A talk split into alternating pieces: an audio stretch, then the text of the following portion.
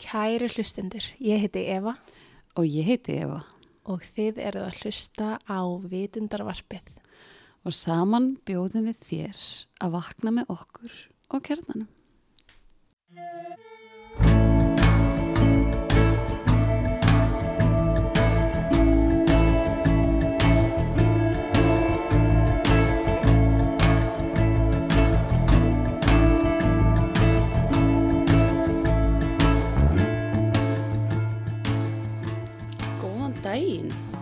Namaste, eins og vorum búin að ákveða öllum að taka Satnam, þess að við ekki segja. Satnam. satnam. Hvað þýðir satnam áttur? Satt því sannleikur og nam því nafn. Ymmit, sannleikur er nafn mitt. Ég er sannleikur. Það er svolítið dramatíst, náttúrulega, en uh, mjög En gott. við erum Eða bara hlutlaust. Já. Eða bara mjög hlutist. Já. Já, ok, það er hvernig maður lítur að. um, hérna, við hefum fengið til okkar frábæra gesti, eins og alltaf í þenni þátt, en, en sérstaklega frábæra í dag, myndi ég Já, segja. og alveg einum fleiri en vanlega. Mm Þannig að við erum alveg fjórar, hvern orkan er konur hérna? Hvern orkan er gífurleg? mjög sterk og hérna það er þess að fyrstulegi Estrid sem að er kundalini júkakennari, leiðsumæður og e, talnaspekingur mikill, bara talnaspekingur inn á Íslandi er ekki að verða það Já, Nei. það er eitthvað svo leiðis. Já, góðan daginn. Já, góðan daginn, gott að fá þig og Sigrún e, sem er líka e, kundalini júkakennari og fatahönnur og e, ég veit ekki svo sem hvort að ykkar samstarf hérna, hafið eitthvað starfa saman lengi eða? Uh, við náttúrulega erum búin að vera í svona sömu kreðsum í svolítinn tíma og verið svona að hugsa svi, í svipum brautum. En svo núna einhvern veginn þá svona erum við komnar saman í þetta að, að undirbúa þetta verkefni sem að við erum að ræða hérna núna. Mhm. Þetta er alveg rosalega spennandi, þetta heitir hérna Handan fíknar, eða ekki? Já, Og þetta byggir á, ég sé að þú ert með þessa bók með þér, hérna, Beyond Addiction, hún er alveg rosa stór, sko. já, þetta er alveg yfir 500 blæsir. Já, þetta er bara A-bókin, þú veist, næri eru ekki Já. utanum mér mikið, sko. Akkurat. Og það var bara, þetta er rosa spennandi verkefni, að því að mér hefur alltaf þótt þetta koncept, sko, jókiska leiðin og tólfbórin svolítið svona, ég veit ekki hvort þetta sé eitthvað það, en, en, en það er allan eitt svona sem að mér hefur oft þótt, sko, eiga vel saman eða Já. vera góð viðbútt við hvort annað. Þetta er kannski eitthvað dýbra, ég veit ekki. Ég get sagt frá svona bara örstuðt svona söguna okkur þetta verður til að, og hvernig þetta tengist jóka. Það er sko svona gróflega þá uh, í kringum svona 1969 þegar að svona hippatíminn stendur sem hæðist og hipparnir er að syngjum Vassberöldina og þá er, er mjög mikið um það að það er mjög mikið frægum hippum eins og meðal annars bílarnir og Mía Farro og svona margir sem eru að fara til Indlands að leita eitthvað gúru og eru kannski að reykja eitthvað alls konar og hérna finna gúruinn fyrir utan sig. Mhm. Og þá kemur í ljós að svona, svona indveska svona, gúrugengið eða svona jókarnir þeir ákveða að senda frekar bara jóka á staðina sem að þessir hippar er hittast og það er meðan Woodstock Mhm.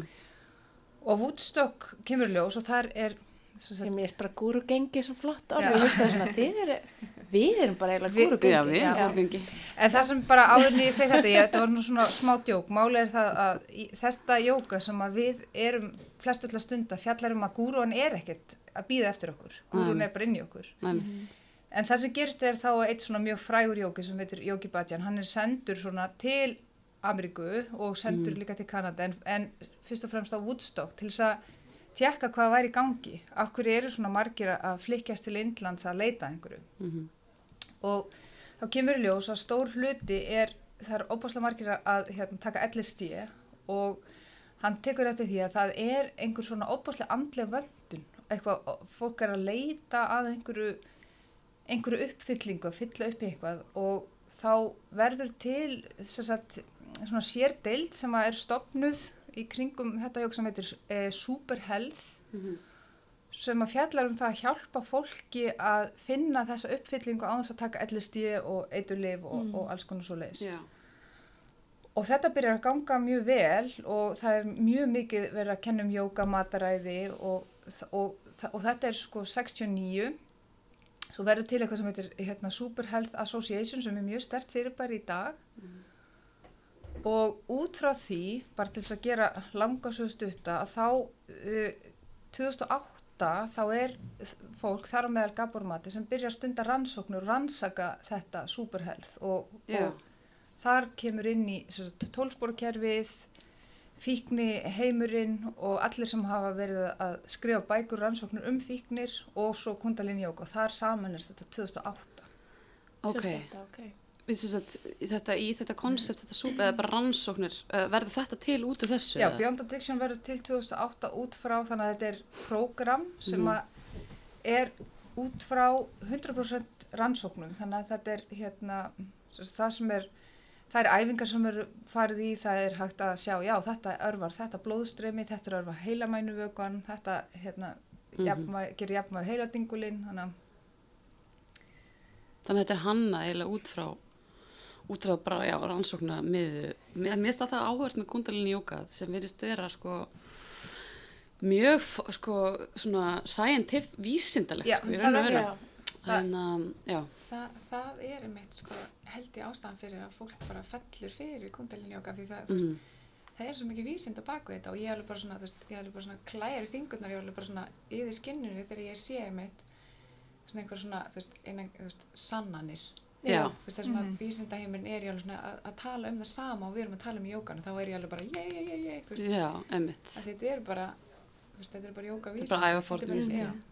Þeir gáttu kannski bara ekki sanna með sama hætti og en það er eiginlega ótrúlegt samt af því að þú veist, ég, ég meina gert eitthvað kríu sem var eitthvað að hreinsa nýrnahettunar, eitthvað svona, þú veist, þetta er svo óbúslega spesifist, sko, og svo er það að gera það, maður finnur það, en þú veist, maður er eitthvað, hver, hann- hvernig, þú veist, hver datt þetta í hug, þú veist, hvað, hérna, eða, veist, hvernig föttu þetta, Já. mm þetta verður svolítið tengdirinn og líkamansinni, ég veit ekki, en allavega, það er samt, þannig að þið ætlaði að starta þessu námskeiði, uh, sko, er Gabor Matei sem að, eh, er einn af þeim sem ger, býr þetta til, eða? Já, sko, hún, he, það er einn Mhm. kona sem heitir Satt Aram sem er frá Kanada sem var nefandi jókibæðsjan og Aha. var alveg öll inn í þessu superhealth. Já, Hún sjálf er, uh, mamma hennar var alkoholisti og, hérna, og henni leið stundum eins og kannski að hún væri ekki svona fullkomin jóki eins og allir hinnir. Þannig að hún fyrir svolítið að stúter þetta hvað er að vera aðstandandi og hvað er að vera alin upp í erfiðum aðstæðum og, og fær svo, fyrir svo að skoðar það er eitthvað meira heldur en bara ég get bara verið að gera jóka. Þannig að hún finnur Gabor Mati, hefur samband við hann því hún sér að hann er farin að gera nýjar, komið nýjar hugmyndir um ADHD og áföll mhm, Mhm. og, og byrjar að sjá að það er eitthvað svona sama sem merki að þegar að þú hefur lendið í einhverjum áföllum og gerir jóka að þá er eins og sérst að leiðrétta þetta tilbaka. mhm, Þannig að þau fara í svona samstarf, þannig að það sem hann leggur til, Gabor Mati, hann kemur með uppgötunina um áfallið. En hún kemur með hvernig vinn ég úr því. Þannig að það er mjög mikilvægt að, menna, Gabor Mati er svona svolítið stórstjarnar já, og svona rosa gaman að sjá hann og svoleiðis og hann er rosa flottur í að finna út hvað er í skugganum hjá okkur en það, þá er bara upphafið og svo kemur sérst, úrvinnslan og þar kemur jókað. En það er náttúrulega ótrúlega áhugavert þetta er núna er búið að sanna og þetta er orðið svona um, viðkent í bara sálfræði samfélaginu Mhm. og lækna vísindum að áföll eru ekki svona eins og minningar að áföll setjast í líkamann mhm, líka sem versus að, já, í líkamsminni versus að minningar um eitthvað skemmtilegt. Eru bara eitthvað sem við geymum í hustum á okkur skilji. Já, þannig að það meikar svo ég sletti vel, það meikar svo mikið sens Mhm. að nota jóka til að vinna úr áföllum. Já sem að þá ertu í raun og endur uh, forritaði með er hætti bara út úr einhverju að ástandi vinna sig út úr áfallinu. Já, en sko og hvað er þetta, hvað er þetta námskeið og hérna, hvernig er uppbyggingin á þessu, þú veist, hvað, hvað er það að gera á slis? Sko, ég myndi segja að við værum í rauninni það sem kallast hérna, skipulegendur. Við erum í rauninni bara eins og að flytja inn DJ hérna í gamla. Já. Þannig að við erum ekki að, hérna, við erum, þetta er Þúsund ekki, sem meira cool heldur að flytja DJ. Já. já, sko. Er það að flytja inn þetta fólk? Já, þannig að bara ok. að, til að, þú veist, að því að ég, svona, ég farið gegnum þetta prógram þrísvar og held að það var fjóru sinum, ég fannst það, ég verið búin að gera þetta svo mikið, en ég fór sko hérna til, gerði þetta eins og gegnum netið og svo fór til Budapest að fara gegnum þetta prógram þannig að bara til þess að hafa það alveg skýrt þá Já. í rauninni erum við ekki að gera neitt sem tengist þessu námi Nei. við erum í rauninni að flytja það inn Já, ok, já. og flytjum það inn og það er alltaf í sömu mynd og ég hef bara sjaldan séð jafn fagleg vinnubrögð í bara ekki einu sinni bara í venjulegri vinnu á Íslandi því að þau eru svo fagleg Já, og þe- þetta er sér sagt prógram sem er sett þannig upp að maður hérna, þarf að vera með eigin ásetning fyrst ef maður ætlar að fara í það og þetta er ekki, hve- hvernig, þú veist, hvernig þá, ef þú nefndir dæmi, var það bara, þú veist, ég ætla að hætta að drekka eða, nei, eða, það er, nei, af því að ok, þá þarf maður að fara í meðferð því að það er Já, svo, það ok. er á erfiðari Mhm. stað einmitt, þetta er eins og til dæmis hérna bara ég er búin að vera festast á netinu bara hérna í þrjú ár og en samt fungera í vinnu og Mhm. samt geta sint hlutum en get ekki hætt eða hann á allir farnir að veipa núna en þú veist eins og að reykja er langa til þess að hætta að reykja og geta aldrei hætta að reykja en geta alveg samt sint í jólunum og, og hérna fjölskyldinu og Já. vinnu. þetta er bara svona aðeins, þetta er En svona, líka bara það er svo væri- mikið af fíknihægðun sem er samþygt í samfélaginu það okkar er einmitt, Þannig að við getum verið með svo mikið af einhverju svona litli, ég menna bara, um, er það hætti að drekka kaffi það algjörlega, það er algjörlega inn í þessu. Það Já. er til, til skrifa hérna. Það er bara listi yfir hvað maður getur, sko, það getur verið kaffi og þá er talað um að það sé low motivation, sagt að maður manni vantar alltaf dræf og, og svo getur verið eitt að leiðast alltaf. Mm, að vera bara að upplifa alltaf að manni leiðist. Já, og hérna kvíði, maður getur komið inn með kvíða veist, bara, og ADHD og nú kemur eitthvað sem er opáslega erfitt umræðefni Mhm. og sérstaklega á Íslandi af því að það er mjög mikið um það og um, Gabor Mat er svolítið brautriðandi þegar kemur að ADHD og hann kemur með sá einn af þeim fyrstu sem kemur með nýja nálgun Mhm. og þetta er svolítið svona eldfimt dæmi og ef einhver til dæmis er með ADHD og hefur áhuga á að kynnast nýri nálgun þá er þetta algjörlega program vegna þess að það er ákveðið það eru margóft einhvers konar fíknir sem hanga með Mhm. hérna, ADHD og já, já, ok er Það það er- bara niðurstaðan Hann er mitt sko ADHD, hann var greindist sjálfur, hann Já, ekki fimm- 52 já. og hann var hérna, þekkar sér greiningu ADHD og fór að taka lif og var Mm. síðan bara, bara svona, heyrðu, þetta var ekkert alveg, það var einhvern veginn svona, hann fannst þetta að vera svo mikið endapunktur og ég svo bara vera þessum livjum, þú veist, einmitt, Og- og hvað? eins og svo ofta aður Já. Mhm. já, bara en lifja kartell svo áföll og ADHD, það tengist. Já, og náttúrulega áföll og fíkni Mhm. tengist. algjörlega. Ég, sa, ég las bók um jólin Mér finnst það, ég, mér, ég bara, já. auðvitað er, Þetta er bara allt, ég meina ég las bókum jólin eh, frá honum sem að heitir hérna nýjustu bókina held ég, When the Body Says No. Já, já, hún var rosa góð, Já, þar sem já. hann var bara að útskýra hvernig Já, já. tilfinningulega á, áföll setjast í líkamann. Mhm, og ef þau eru ekki prósessu, þau eru ekki unni úr þeim uh, og hann nefndi bara að var með mörg dæmi þess efnis að þá hérna, breytast þau í raun og veru í eitthvað svona sjúkdóma. Þú veist, þannig að bara auðvitað er þetta mjög avantgard og ég veist ekki læknur því bara ég held að þetta sé algjör tengslan á milli sko. já, og svo kemur annað sem er mjög eldfimt sem að margir myndi ekki vera sammála það er til dæmis gikt já, já, er það, er það inn á gikt þessu? er, hérna getur verið tengt við áföll. Mm að það sé ekki bara eitt og sér og svo er hérna bara að vera með alltaf með einhverja verki. Veist, þannig að hérna að ekki einhvern veist, fólk getur komið inn með það bara ég meik ekki þennan og þá getur maður en ég ætla bara að útskýra svona Já, þú veist, bara ég þoli þegar- já, ég Bara þóla ekki þennan Þól ekki manni minn. já, Já. og það er það væri mjög slæmt og þóldi bara ekki manni þetta er bara frá námskeið sko. já, en það er það er líka bara svona svo slúður og já, að dæma endalust og, ég bara stundum, ég stundum í eitthvað ótrúlega judgment, þú veist, í ég detti í samfélaginu. eitthvað detti eitthvað svona, byrja svona, fyrir svona judgment fyllir í, eins og ég kalla það, þú veist, maður eitthvað situr með einhverjum og svo dettur maður í það, þú veist, að með að vera eitthvað, já, þessi eitthvað, eða ekki þetta þessi, eða bara einhverju hópar eða þessi hérna sem eru alltaf í felli í svona eða eitthvað svona skilur Mhm. bara.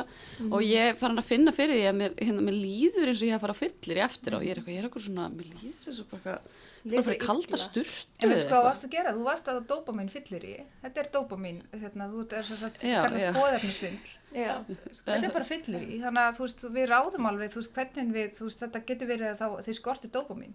Já, Og þá ef þú færir þetta, þá myndir þú læra, ok, ég er með langar að fara slúðu fyllir í, ok, eða ætla ég að örfa dopamin. Og þá, og það er það sem þetta gengur út á. Það er sko svo mikið frelsi að vita er ég þessi típa að mér vantir dopamin ok, þá er maður, að sækjast í örfandi eða er ég þessi típa, ég þarf að róa heilamænu vöku, eða þarf að örfa heilamænu vökun og það er oft fólk sem vil valjum heroin, marihuana það Já, skilur og þá þarf maður að læra Mhm.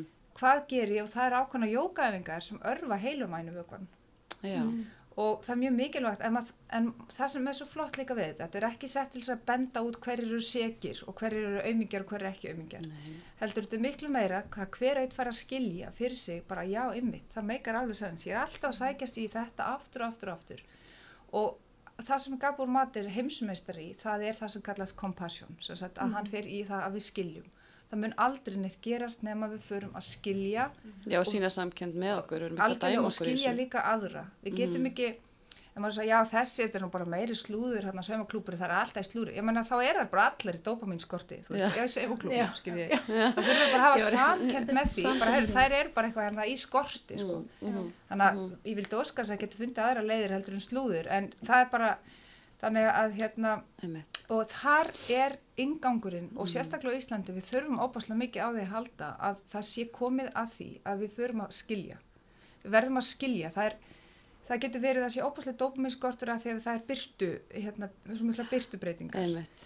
það er hérna og ég ætla að fá að misnota hérna þessa stöðu að Mm. til dæmis þegar við lærum hérna, þegar við hérna, erum að byrja að kika inn hormónuna þegar við erum lítil og svo byrjum við að fara á hérna kynþróska skeiðið að þá mingar melontónin framleysla í heilanum. Já, og það að, að hérna, búa í myrkri sagt, að vera að vaksa í myrkri það hefur áhrif á sagt, hérna, serotonin framleysluna já, og bara þetta eitt getur leitt til þess að það kemur út svipuð útgáfa af fíkn eða ADHD eða hvað heitir. Og, og í þessu námskeið þá erum við að læra svo óbúslega mikið um heilan að hérna, ég satt bara og, veist, og starði, það var svo gaman þegar vorum að læra um þetta, þetta þessa kabla um heilan já, sem er þá bara þessi hormónatengi, eða hérna, framleiðir heilin, Bo- hver, hver, hvar kemur hormónið þér, hver, fra- hvar framleiðir maður? Sem sagt, Heiladingullinn. heiladingullin Engullin, já, þannig að, já, þannig Já. að það er einmitt, og svo er hérna, en þetta er sko, það er svona náttúrulega draumurinn að sem flestir koma á og þetta eru, Mhm. tek það fram, það eru margir læknar sem koma á bakvið þetta og það eru rannsóknir á bakvið þetta og þetta er ekki á skjön við neitt, þetta vinnur ekki á móti, þetta er ekki á móti livjum, Nei. þetta er ekki á móti tólspora samtökum og ekki á móti meðferðstofnum, þetta vinnur mjög mikið vel með öll, ef einhverju EMDR, ef einhverju áfallamaðferð Mhm. Og líka annað ef fólk sækir um að, að fara át á námskeið þá fer það ekki gegnum okkur heldur það fer út fyrst það er löng umsókn Ég ætlaði að myndi fara að segja, ég var að skoða umsóknuna er og ég var bara, vá, þetta mun taka mig viku Mhm. að fylla hann inn. Já, er þetta, er smá prósess. Já. Já. hérna þetta er eins og að fara um þetta er eins og að sækja um í erfiðan hérna listaháskóla að, Að koma en það er gert af örgisástæðum vegna þess að það bæða þetta er kanadist og það er mikið af svona hérna, það er tryggingar og það er alls konar svona svoleiðsmál á bakvið Já, ok. En það er líka það að þau eru svo geta séð hvort að fólk geti farið í þetta. Að þegar þau sjá að það er einhver tegund af neyslu sem að mun það gera bara illt verra. Já. Þannig að þetta er líka svona örgisadriði. Einmitt. Það er svona tekið það fram, þetta er ekki bara við sem við vorum hérna eitthvað fengum hugmynd á einni nóttu. Heldur, þetta er eh, svona, við erum að flytja þetta inn í rauninni. Og ástæðan fyrir því og það Mhm. kom svona frá mér, það er draumurinn er bara að fræða fólk meira. Og því meira sem fræðumst, því meira skiljum við. Verðum að skilja betur hverju eigin er svona mikið af hverju er svona mikið peningaþvottur á Íslandi, hverju er þetta. Þú veist, verðum að skilja hvað er gangi. Ég veit að þetta er miklu dýbra heldur en bara eitthvað svona þetta, Bara einhver sko. óþekktar ángar. Já, þetta er miklu dýbra en það. Þetta er Já. orka og þetta er, eh, þú veist, eh, meðsundaleysi Já. og, og alls konar hérna, þetta er, þú veist, ég held að þetta er eh, runs much deeper einhvern veginn heldur en, Algjörlega. heldur en bara einhvern veginn þetta og þetta séu, og svo förum við bara í þetta og það er svo áhugast að því að það er náttúrulega búin að vera í þessari viku, sko. Við förum bara í að neykslast og Já, já. endalega er þetta og verðum reyð, enda er, Já, já. er þetta mjög eðlilegt að í því. Algjörlega.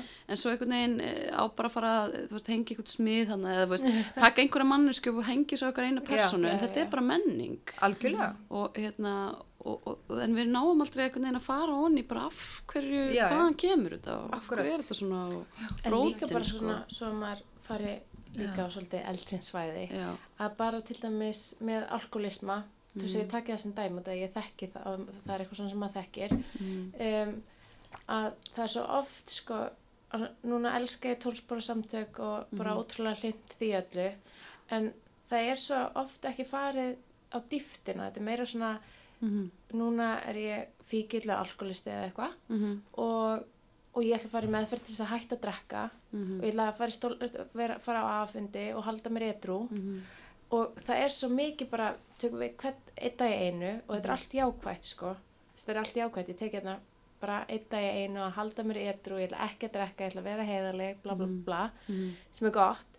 En það er svo lítið verið að fara í dýftina, þú þarft að fara þá í þerapíu eða eitthvað, að Mhm. þú vilt fara eitthvað svona, áhverju er ég að, áhverju er ég alkoholisti já, áhverju er ég fíkil hvernig komst ég hingað? Þetta er meira bara svona pínu eins og að taka verkeflið við hausverk í stæðan fyrir að komast í, að ástöðinni, rótinu, áhverju er ég alltaf með hausverk? Skiljiði?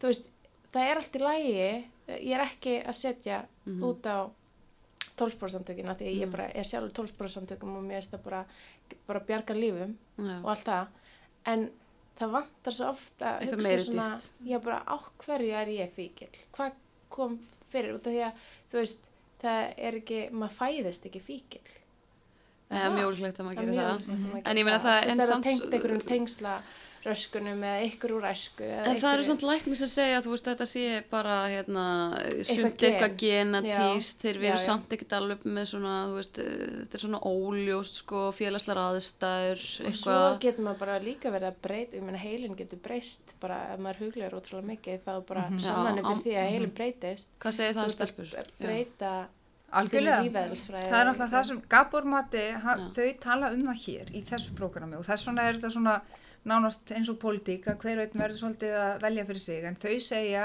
að ADHD og að alkoholismi erfist ekki í gegnum gen, heldur í gegnum umhverfi. Mhm. Hann byrjaði að gera rannsóknir á þriðu kynslu á Ásvitsbörnum, sem sagt gýðingar sem að hafðu lifað af Ásvits og vegna þess að afa hans og amma þau eh, dói í útrýmingabúðum og mamma hans Gabor Mati var semst ófrísk af honum þegar hún missi fóreldra sína í útrýmingabúðum Já. Og, og hann komst að því að þegar mæðurnar eru stressaðar eða er í áföllum að þá byrjar sem sagt, þessi eh, framheila skortur, eða sem sagt, örfun á, í framheilanum byrjar í börnunum Já. og enn og aftur það er mjög mikilvægt að það komi fram þetta er ekki til þess að benda á sökudólk heldur Einmitt. þetta er til þess að skilja að þegar það eru áföllega stress það hefur áhrif Mhm. og þetta prógram líka fjalla mjög mikið um það að ef einhver upplifir sig bara alltaf í ykkur stressi eða kvíða, það á hann heima í þessu prógrami Mhm. að því að stress getur verið stress er ekki slæmt, að því að stress er eitthvað náttúrulegt sem við þurfum að hafa til þess að koma okkur frá A til B Mhm. En þegar það er, við erum orðin, það er komin einhver ávani að hækka alltaf kortisólið, að við nánast þurfum alltaf einhverja spennu eða getum ekki hægt að vera í stressi, Já. þá erum við bæði hafa þess að slæma áhrif á okkur, en þá erum við líka, nú kemur mjög erfitt líka, við erum ekki góðir foreldrar. Nei, algjörlega ekki.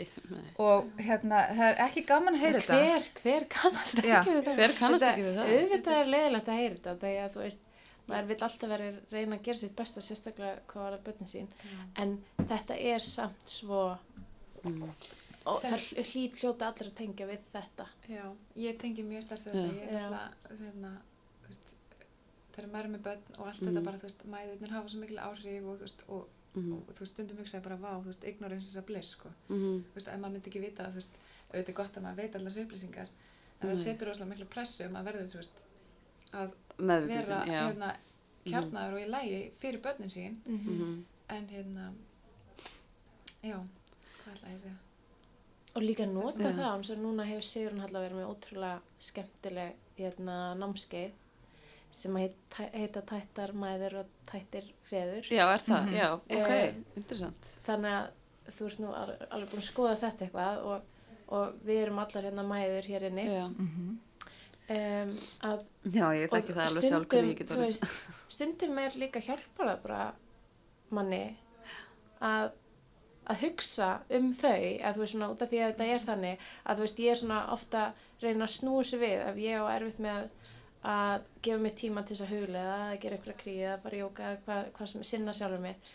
Að, að því að ég er svo ótrúlega hérna, upptekinn tveggja barna móðir Já. að, að snúa ég við að, að gera það fyrir þau þú veist, í staðan fyrir að gera það fyrir mig. Já, að því að ég er svo miklu betri mamma Mm Ná, ná, ef ég bara bara. dröstlast að fætur korteri fyrr og sinni sjálfur mér í smástund að þá bara dagurinn verður öðruvísi.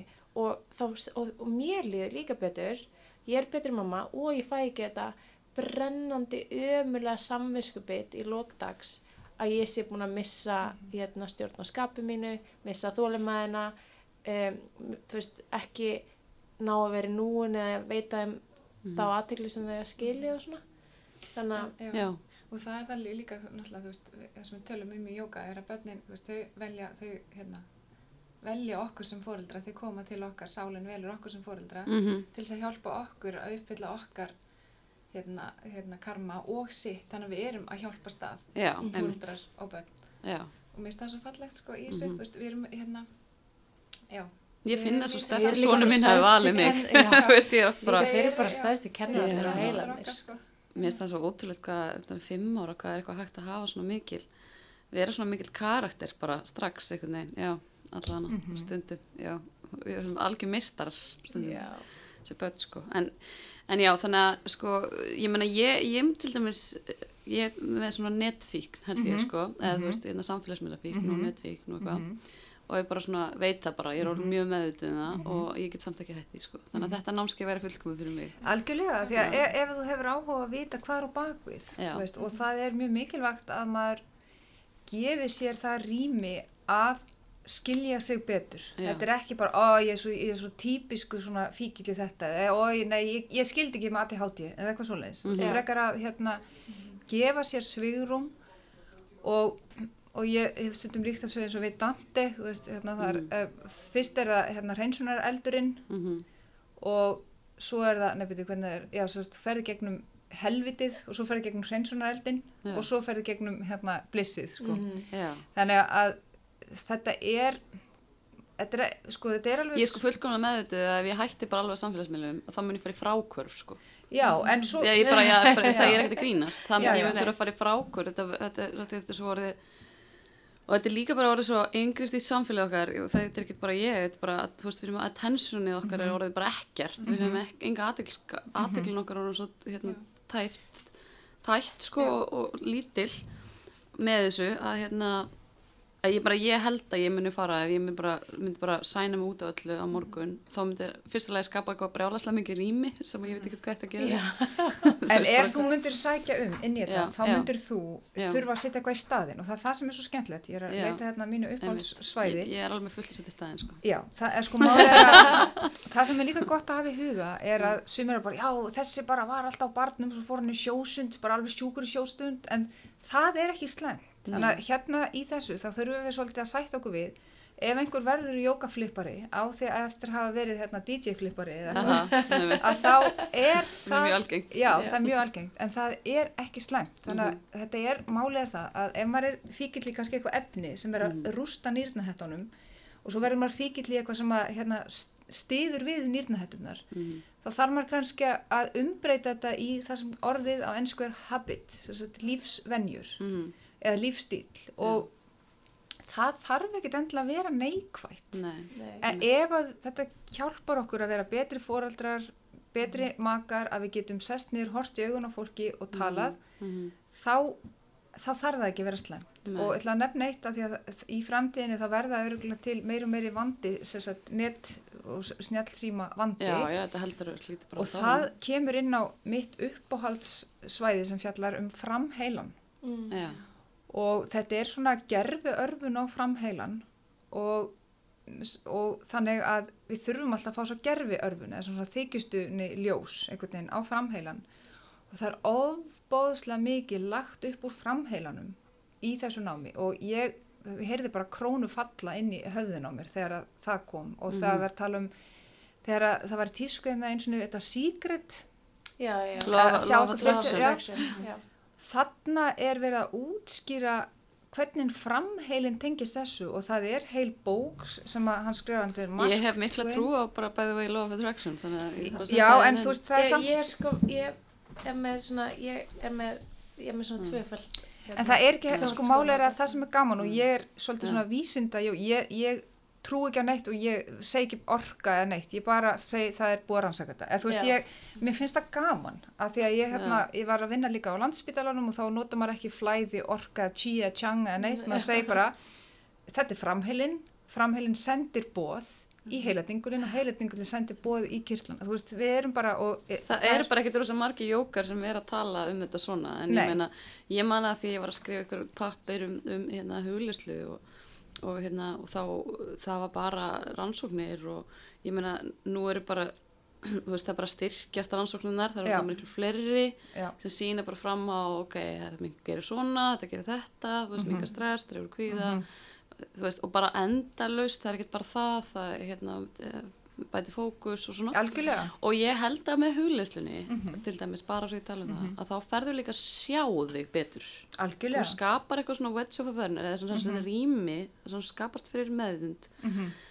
þar sem þú allt í henni færðu en hæfileika geta bara já, ok, ég sé það ég er að gera hérna, ég sé það ég er netfíkil, Mhm. sem ég myndi kannski bara ekki sjá Nei. eða taka henni sérstaklega mikið eftir. Já, og bara við Eða- kenna og já. það er allt í lægi. já, það er allt í lagi, þetta er ekkert mál sko, og hérna, já. Já, það var mér svo, ég sko, ég mitt er bara hérna að leifa Estrid að vera í flæði af því að hún alltaf veit, er sérfræðingur í þessu og ótrúlega gaman það er ótrúlega gaman að hlusta það þú veist, bara hlusta á hann að tala, sko, Mm. ég er einmitt bara búin að vera með hann hérna og bara, þú veist, með munnin, sko, já, en þú veist, það sem þú sagði líka hérna um daginn, bara, þú veist, það er svo mikilvægt að koma fram, þú veist, það er enginn glataður, Nei. Nei. þú veist, það sem að, hérna, þú sagðir, hérna, eftir, hérna, eitthvað langt spjallum um, hérna, þetta námskeið, það er svo mikilvægt að koma fram, það er enginn glataður, mhm, þú veist, og það er það sem að, hérna, nei, þó maður sé einmitt hérna, skjáfíkil eða, eða hvað sem maður er að díla við.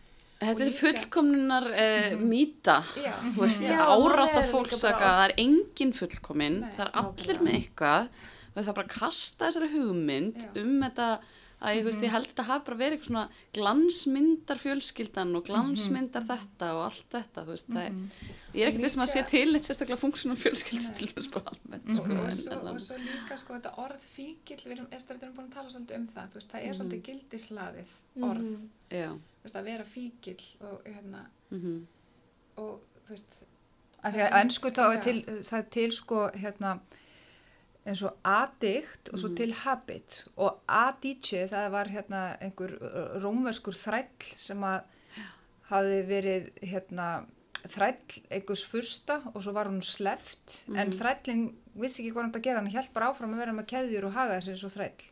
Já, þetta kemur þaðan. Að vita ekki alveg hvernig venjan er. Er eins og habit eins og, eins og að búa einhver staðar. Já, en orðið fíkill er svo niður njörfað, maður getur einhvern veginn ekkert spila með það því að að maður segja, á já, ég er svo mikill netfíkill. Eða já, ég er svona, það er, ég, það er stundum svolítið svona, Það er rosalega þungt. það er rosalega Þungt og það er svolítið svona dómur og já, já, það sem að, Ég er svo sem ekki, nei, nei, nei, en, nei, en það sem að, þannig ég tólkaði er þannig að ég er búin að setja mig reglur um notkun á samfélagsmiðlum og ég fylgi þeim ekki, já, ég skil, skilju, og þess vegna er ég að brjóta mína eigin reglur. Já, akkurat, uh, hérna, bara það heitir að verða síðan endingu stjórnlaus Mhm. að því að maður er að setja sér ykkur reglur um hvernig maður ætlar að umgangast eitthvað og maður er ekki að byrja það, skilju En ég held líka sko um leið og maður Það er svolítið fíkn. Já, en ég held líka bara annars að með þetta orð, fíkill já, að um leið og maður, þú veist ef maður hefur aldrei verið að skoða fíknihægðu, já, já, já. eitthvað að vera fíkill, Já, aldrei verið að já, já, skoða já. það, nei, þetta Mhm. konsept Mhm. þá getur þú verið kannski hérna í einhverju ignorans og blissi og, og dæmt rosalega hart að þú heyrir þetta orð en því meira sem að þú ert, við erum flest öll með konar já, fíknihægðanir já, og, og því meira sem maður er einhvern veginn búin að bara e, viðkenna og samþykja og skoða og, og eigna sér skuggan sinn Mhm, akkurat. því minna gildi hefur þetta orð, þá er þetta bara orð. Mhm. út af því að við flest erum með eitthvað. Og til dæmis bara eins og að segja að, og það er allt í lægi breyttu þá bara í eitthvað gott og það getur Já. oft verið gjöf. Ég, meina, ég sé oft mín, mín áföll og, og, og mína fíkni hæðun og svona, það er miklu meira gjöf heldur en eitthvað annað já, ég er alveg til í, ég, mér langar ekkert að sleppa því af því að það gerir mig bara, það uppgreita mig sem mannesku að vinna eitthvað í því. Mhm, einmitt. og, og, og þú veist, núna til dæmis var ég með ádröskun þegar ég var úlingur Mhm, og, og er bara í, með ádröskun og er bara Já. í bata. Já, en það er líka ástæðan fyrir því að ég bara skiptir rosalega mikið um, um hérna, stefni í lífinu og veit ótrúlega mikið um hotla og heilnama fæðu og bara breytti því að matur var eitthvað neikvætt og hræðilegt yfir í að matur var eitthvað jákvætt sem að nærir mig vel og lætur mig líða vel. Einmitt. sem að ég hefði kannski ekkert gert annars, skiljiði og svona með, og líka með kaffin við erum búin að vera kaffelaus hvað, kannski þrjá þú Vá, til ekki ykkur- með það. Ég veit það, geggja hjá henni. vel gert. ég er bara hérna með mitt tea Já, Vá, og, Svo stolt af em, sér. og mjög stolt af mér já. en ég þóri ekki að fá mér kaffibólla sko nei, af því ég, ég bara held að með einum bolla muni ég falla sko Mhm, Ég, kaffi er náttúrulega, já. Það er, nú, an, það er bara heill þátt. Já. Já, það er heilt þáttur. Ég fann Já. þetta námskeið bjöndadegs út af kaffi. þú ég er ekki ennþá hætt. En ég er reyndar að gera eina hugleyslu sem er, er Mhm. talin vera lif framtíðarinnar sem er hugleysla fyrir fíkn og ég er búin að gera henni 911 daga, ætla að gera henni 2000 daga og ég er ekki ennþá hætt að drekka kaffi. Þannig að þetta liggur djúft. 11 daga, byrju, hva, hvernig er svo huglislega? Er þetta Hún er, hugleysla sem er, hún er sögð vera að hérna, læknavísindin muni samþykjana eftir 500 ár sem lif og hún er eina fáum hugleyslum sem að ítir við heiladinglinum, þannig að heiladingullin ítir upp í heila köngulin. Ekki er þetta þarna, Jú, það loka þarna, já, já, svona að það býta kjálkunum já. Mhm. og hérna að því að sko bara til þess að útskýra svona hvað hugleyslur geta gert að það er til 80 og 2000 hugleyslur í bara kundalini jóka þannig í allum heiminum til miljón, skriljón, biljón hugleyslur bara allt í góðu með það en það sem er gott að vita að þær eru bara óbáslega ólíkar og ef við hugsum okkur að við verum að baka köku að það er alltaf skrifað í uppskriftinni hvað út með kökuna lengi opninum og það sama við um hugleyslu ef þú ert að hugleiða og þú veist hvað hún er í langan tíma, ef hún er í 11 mínútur að þá ertu byrjuð að fá þessi áhrif sem þú vilt. Þannig að tíminn hefur áhrif og, hérna, og það sem hugleyslu geta gert fyrir okkur að það, að það hefur áhrif á blóðið sem sagt kemur og kyrla starfsemina þannig að maður getur bætt heilsuna sína rosalega mikið með því að hugleiða reglulega í vist langan tíma. Mhm. Þannig að ef við hugsaum okkur blóðið er í svona, svona öldugangur sem svo er út, út á hafi og við það að gera eitthvað endurtaka, endurtaka eitthvað aftur að þá byrjar að, að fá ákveðið svona eins og rithma í blóðið. Og þegar blóðið er komið ákveðin rithma að þá vinnur það inn á kirtlastarfsemina kirtlar, hérna, skjaldkirtil hérna, í kringum brjóstið, hóstarkirtil. Þannig að þetta er alltaf, alltaf hægt að finna vísindalegustu útgáfuna af því hvað við erum að gera. Já, og líka bara, þú veist, hugleysla það búið að segja, sanna það hugleysla minkar streitu Algjörlega. sjúkdómar hvort, hvort sem þeir eru andlegir eða líkamlegir skapa streitu í líkamannum Mhm. þannig að okkur ætti hugleysla að velja ég ætla bara að taka þessa streitu en ekki þessa Mhm. streitu skiljið, þannig að þetta hlýtur að hafa allserjar heilsu Algjörlega. uh, bætandi áhrif Mhm. Já, en hvað, þú veist að segja eitthvað áðan og ætlar að fara að tala eitthvað í tengslu við bókina áðan? Já, vorum- ég- sko, já. hérna, það sem að er svona svolítið áhugavert líka að þetta er oftast í flestum tilfellum einhvers konar framheila ójafnvægi Mhm, og framheilin er svona eins og fullorðni parturinn í okkur og ef maður er með áfall þá bregst maður oft við með eins og það sem kallast litla heila. En ætla ekki að hafa þetta óflókið. En allavega það sem að allar hugleislur gera það er örfa framheilan og þá fær maður tilfinningu eins og maður getur skipulagt tekið ákvarðinir planað og maður líður svolítið eins og maður hafi alveg stjórn á hlutunum. Mhm, og nú er mjög mikið talað um kulnun og kulnun á líka heima í þessu prógrami vegna þess að kulnun er svolítið eins og maður sé farin að lifa lífinu með litla barninu í sjálfum sér litla áfallinu í sjálfum sér. Já, maður mætir í vinnuna í, inn í barninu en sko, en þegar maður er að gera þetta prógram og hugleðir þá er maður að mæta með fullorðnustu hliðina af sjálfum sér. Ok, og þá ef einhver kemur og einhver er búin að stela peningi fyrirtækinu og þú ert fullorðn og segir, herru, þetta bara má ekki. Já, En ef að þú mætir sem litla barni þá bara langar það að beigja undir borð og bara fara heim og, og undir sæng. já, bara meikar ekki tekast á það. Já. Já, Já. Og þannig að, en ég ætla að svona nefna smá sko þetta er hérna, þetta prógram, bara ef einhverjir hafa áhuga þetta ná sér í hérna, bara hljóðbækur eða á kindil eða eitthvað, Mhm. að þá er Gabor Mati með mjög margar hérna, bækur sem að tengjast, hann skrifar einu bók sem heitir á ennsku Hold On To Your Kids sem útskýrir Mm. bara hvernig við getum með því horfa meira í augu hvort öðru, Mhm. þá erum við að örfa framheilan og þá, ef við gerum það ef við erum börn sem eru mjög mikið á snjallsímum, Mhm. að ekki kippa þeim síman, heldur horfa að þeim, Já, bara, já. almennt. Sagt að við erum ekki, við erum ekki að komin hérna til þess að- benda út þú ert þetta, þú ert þetta, heldur við erum frá að bæta inn þessu sem að bætir okkur. Horfast meir, meira í augu. Og hérna svo kemur annar sem að er frægur meðal sálfræðing eða þeir sem eru að vinna með fíknir ég er með þetta að skrifa hérna hérna Bessel van der Kolk Mhm. og hann hefur einmitt sk- fer alveg mjög djúft inn í þetta hvernig áföllin geta orðið að fíkn Já. og mæli með ef einhver hefur áhuga á hérna, googla eitthvað um það eh, sem sagt, Bessel van der, der Kolk og hann er svona þekktur hjá fíkniráðgjöfum. Og svo er eitt sem var fyrir mig svolítið skemmtlegt, hann heitir hérna Mark Lewis, Dr. Mark Lewis. Já.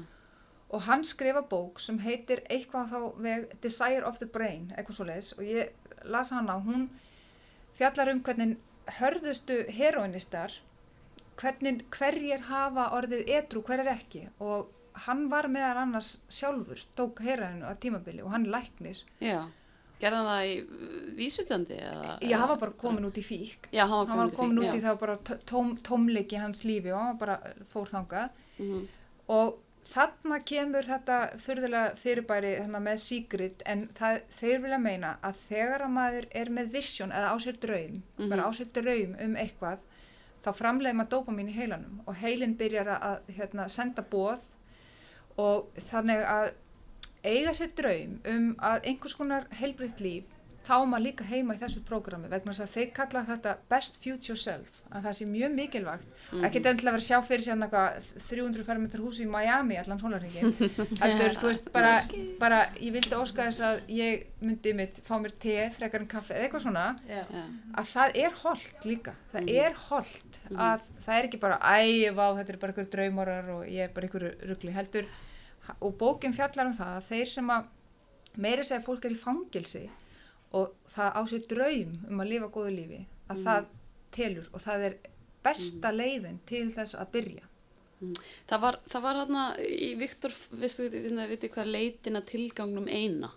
Viktor Frankl eða, eða leitina lífs í mannkjálu hvað, þetta er fræbók sko. Já, og hann skrifar hana, hana í útrýminga, um útrýmingabúið nasista. Já, og hann eh, er þar og, og hérna tekur svona sálfræðingur og, og, gerir þetta að e, rannsókn bara, Já. experiment, bara hvernig hverjir er það sem að hafa það af akkurat og hverjir ekki akkurat, í þessum aðstæðum. Já, og það var þetta að þeir Akkurat. sem höfðu von og einhvern draum já, uh, um að komast út og lifa betri lífi, þeir höfðu það af. Algjörlega. Þeir sem að mistu vonina og trúna Mhm. þeir bara, Akkurat. bara limpuðust niður það var sérst öll hérna og svo er hann eiginlega tekur hann alls konar dæmi um þetta. Þannig að hérna þannig að það stiður þessa Akkurat. kenningu algjörlega að, að þú veist að, að hafa einhvers konar hérna sín og, og ég menna mér, finnst þetta að leika sér með þetta að hérna því að ég man sko með svona mým ímyndunarblið og hvað maður getur séð fyrir sér og allt þetta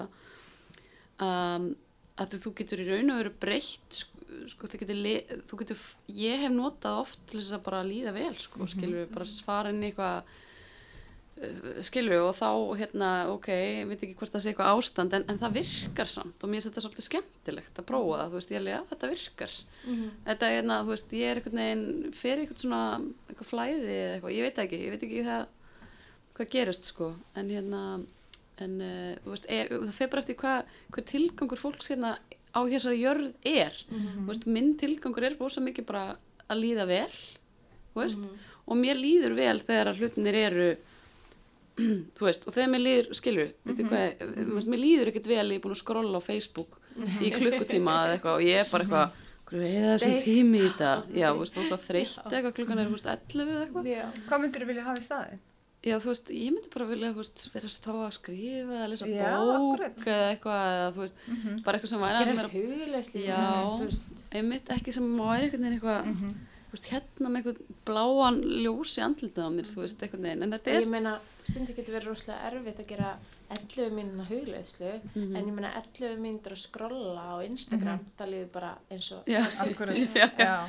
Eða bara, já, ég er bara svona akkurat Eða taka þetta dæmi og mjög margir eru bara að nota mat eða Mhm, eru bara að nota eitthvað annað, þú veist, hérna, eða ég veit ekki hvað, hvað það er nú, what have you, en ég held þetta sé að því að ég held þetta sé samlanlegt og ég finn þetta kringum með allstar. En Það ég meina, eru allir bara með líka- ólíka byrtingamyndir af þessu. Algjörlega. Sumi nota bara eitthvað, svo líka bara svona mjög eh, Já. mainstream viðkend leið til þess að, að vera í fíknihæðun og, og vera að deyfa eitthvað um, er til dæmis bara að horfa sjónvarpið ég meina að liggja öll kvöld og horfa sjónvarpið já, það er líka eitt og, og, mm. og það er alveg mikið fíknihæðun og eitthvað annað Mhm. en Þetta það er bara þetta er eitthvað svona fáir að, að vera að setja, að setja út á það, skiljiði.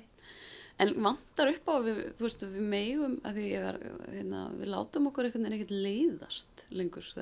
Ég var að kenna tíma Örvun. í gær um, um Dharana sem Já. er sjötti armur Fókusinn. jóka að einbytta sér. Já. Þá var svo mikið að hugsa um þetta.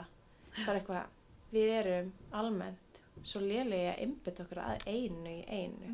Og það er líka smá svona viðkent í samfélaginu að við eigum að vera multitaska og sérstaklega konur að því við erum bara betri í því heldur en menna því við erum bara búnar þannig til, við erum bara safnarar og, og eigum að geta, þú veist, passa börnin og þekkt hvaða ber eru eitru og hvaða ber má borða og hvað eru, þú veist, hvað þú finnir þetta í þessu tré og eitthvað svona. Aha, en hérna en það er verið oft svona erum við sjálfar að preysa það og hjá öðrum að vera ótrúlega góður að gera ótrúlega mikið í einu. Mhm, um, og það er ekkert neitt sérlega gott. Nei, og þess vegna er líka konur í kulnun miklu fleiri heldur en menn í kulnun af því að við erum að gera þúsund hluti í einu. Mhm, Konur eru svona, við erum gefarar eins og Já. hérna, já. mm -hmm. og þetta er einmitt ástæðan fyrir ég bor- byrjaði með hérna tæta maður, það var því ég var bara ég lendi sko í árekstri af því ég var að multitaska. Já, ég já, var, Já. bara, ég var að hugsa um var það Jésús já, já þegar ég glæst á Jésús ég glæstist þetta á mann sem að heitir sem Jesús. hét síðan Jesús Já, Já, já. ok. það var rosalegt um var- bara að klessa á Jésús og bara svona Nei, nú þarf ég ekki að wake Þetta up hérna. var- Já, ég Já. var bara að hugsa um, ég bara glemdi að fara með hérna, lambúsett á leikskólan og þú veist, ég átti eftir að svara þessum og þetta, þetta, þetta, svo bara, þegar ég leiði klæst á hann, það bara svona, vá, þetta var því ég var að multitaska. Í bara- bílnum. Já, Já, ég í bílnum. En ég var ekki í símanum en neitt, Nei. ég var bara að hugsa, ég var, höfuð á mér var á Út um 15 allt. stöðum, sko, Mm. En ekki við það að ég var að keira, Nei. sem var Einmitt. til þess að ég Jésu. Já, Þetta var-. Og, og, og, og, og var það þá sem að vaknaði þessi hugmynd um þetta námskeið? eða? Já, af því að ég bara, þú veist, hérna, Mér finnst þetta svolítið interessant þetta tætta maður og veður. Það Hvað er verður- hvað ertu það að kenna? retreat. Ég Það er retreat. Já, sko það er, já, ég er búin að fara einu sinni til Pólans. Það er, það er retrít, já. Um, ég, allir, ég tengi ekki mjög stert við að vera frekar tætt, þú veist, með hérna, huga á flökti. Já, Og hérna, um, og það sem ég er að kenna, ég er að kenna kundalini jóka. já, En kundalini jóka er, hérna, þú veist, ég er vel uh, krýjur sem henda, þú veist, hérna, þessu viðfáðsefni. Uh, og svo er ég bara líka að koma með fróðleik um barnauppeldi frá kundalini jóka það er ótrúlega mikið, þú veist, það er kundalini jóka er, veist, það er alls konar matariskriftir og það sem er Sambönd, kynlíf, whatever, er bara alls já. konar einmitt. og það sem að hérna uh, varandi þú veist, hérna, jógisk jógist uppeldi, það er svolítið eins og ræ það sem allir eru að tala um í dag Mhm. þetta, þetta er bara eiginlega sami Já, er er það ræði hérna, já, já, já, hérna, Já. hvað, hvað er aftur sem er líka Eh, svolítið Gabor. Já, respect. sem er bara Gabor Mati og það Já. var einmitt sko Er ræði gabal mati? Ekki vissi Já, það? er ég mjög, veist, þetta, þetta er allt svona á sömu hérna nótunum. Mhm, og einmitt, ég þegar ég sá að hérna Estrid var að byrja að kynna þetta hérna námskeið, þá kveikti ég fyrst á Gabalmati mhm, af því að hann einmitt hefur skrifað þessa bók hérna Hold on to, to your kids. Já, og, og þá bara svona hérna, festi ég má Estrid og ég sagði bara einmitt eins og heyri það að hlusta á hana, þetta er bara, maður er bara í Nei, sko, um leið lærdómur, og, sko. mhm, og það er núna ég og sér náttúrulega mjög góða vinkunur já, um leið og hún byrjaði að skrifa eitthvað um þetta námskeið þá er ég búin að vera svona óþólandi stokkir á öllum social media Mhm. plattform sem hún er á bara eitthvað, ó þetta er spennandi, ó þetta er mikið æði og núna er ég er húgt á instastory á sér þegar það er Estrid að hérna, Já. tala um námskeið og er ótrúlega, á þessu námskeið eða tættu maður námskeið Nei, á þessu, þessu, þessu. þessu fíknar Já, Handafíknar. en bæði námskeið Já, ég er búin Mm. að hérna, Mm.